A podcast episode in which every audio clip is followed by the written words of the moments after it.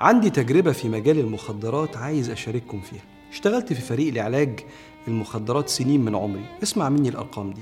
كل عشرة بيجربوا المخدرات في سبعة بيدمنوا المخدرات. عارف يعني إيه مدمن؟ يعني الأولوية الأولى في حياته قبل نفسه وأهله ومنظره وصحته وربنا ومستقبله وفلوسه ودراسته وشغله. الأهم من ده كله جرعة المخدرات.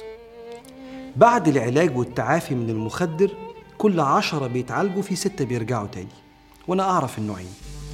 أعرف اللي سمع الكلام وبعد ما الدنيا كانت مظلمة في وشه وأهله عايشين في تعاسة ليل ونهار ومتدمر صحيا وماديا وروحانيا ونفسيا اتعالج. وأصبح دلوقتي من أنجح الناس إنسان سوي رب أسرة يشرف نفسه وأهله. وأعرف اللي خرج من المستشفى ورجع تاني يوم رجع للمخدرات.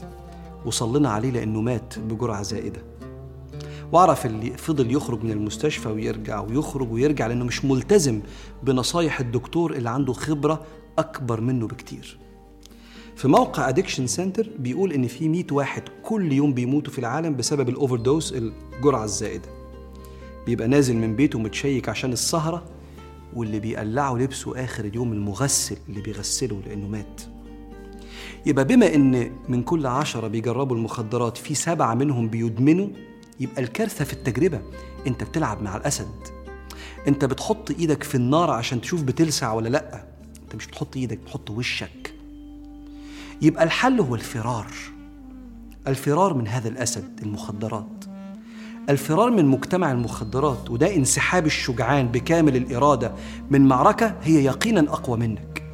قال تعالى يا أيها الذين آمنوا إنما الخمر ودي كانت صورة المخدرات اللي موجودة وقتها. إنما الخمر والميسر والأنصاب والأزلام رجس من عمل الشيطان فاجتنبوه لعلكم تفلحون. اجتنبوه يعني ما يكونش جنبك يبقى هو في جانب وأنت في جانب. دي أقوى ألفاظ التحريم. وقال صلى الله عليه وسلم من كان يؤمن بالله واليوم الآخر فلا يقعد على مائدة يشرب فيها الخمر. والصحابة عارفين جاذبية المادة المخدرة اللي كانت متمثلة وقتها في الخمر وقتها. فأنت عارف عملوا إيه لما عرفوا إنها حرام؟ سيدنا أنس بيقول كنت أنا ساقي القوم في منزل أبي طلحة. فإذا بمنادي ينادي ألا إن الخمر قد حرمت؟ فقال أبو طلحة أخرج يا أنس فأهرقها. مش ابعدها أدلق كل اللي في البيت في الأرض. فخرجت فأهرقتها فجرت في سكك المدينة.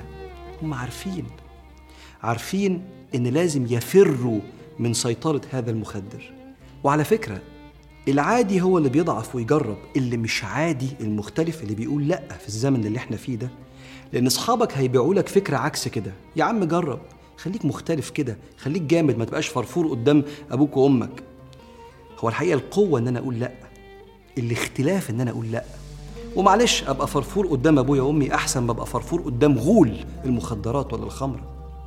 تاني حاجة استوقفتني جدا قصة الصحابي اللي كان بعد تحريم الخمرة لسه مش قادر يقاوم الخمر لكن كل ما يشرب كان يروح للنبي يقول له طهرني يا رسول الله أنا آسف ويتوب بين إيدين النبي.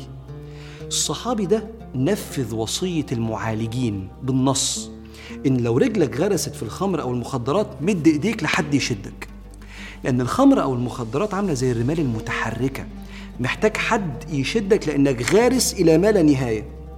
هذا اللجوء لغيرك لما تسقط في الخمر أو المخدرات هي العلامة العظمى إن ممكن إنسان يبقى مدمن لكنه يحب الله ورسوله زي ما النبي شهد لهذا الصحابي في عز تمسكه أو بمعنى أدق في عز ضعفه أمام الخمره كل مرة إنه يحب الله ورسوله. مش عيب تفضح نفسك قدام واحد قريب أب ولا كان قريب ليك بس الفضيحة دي هتكون هي المنقذ من طريق لا رجع فيه زي طريق الخمره ولا المخدرات. فاللهم يا رب يا رحيم يا رحمن أنقذ شبابنا من هلاك الإدمان واحفظ بلادنا من الكفر والفسوق والعصيان.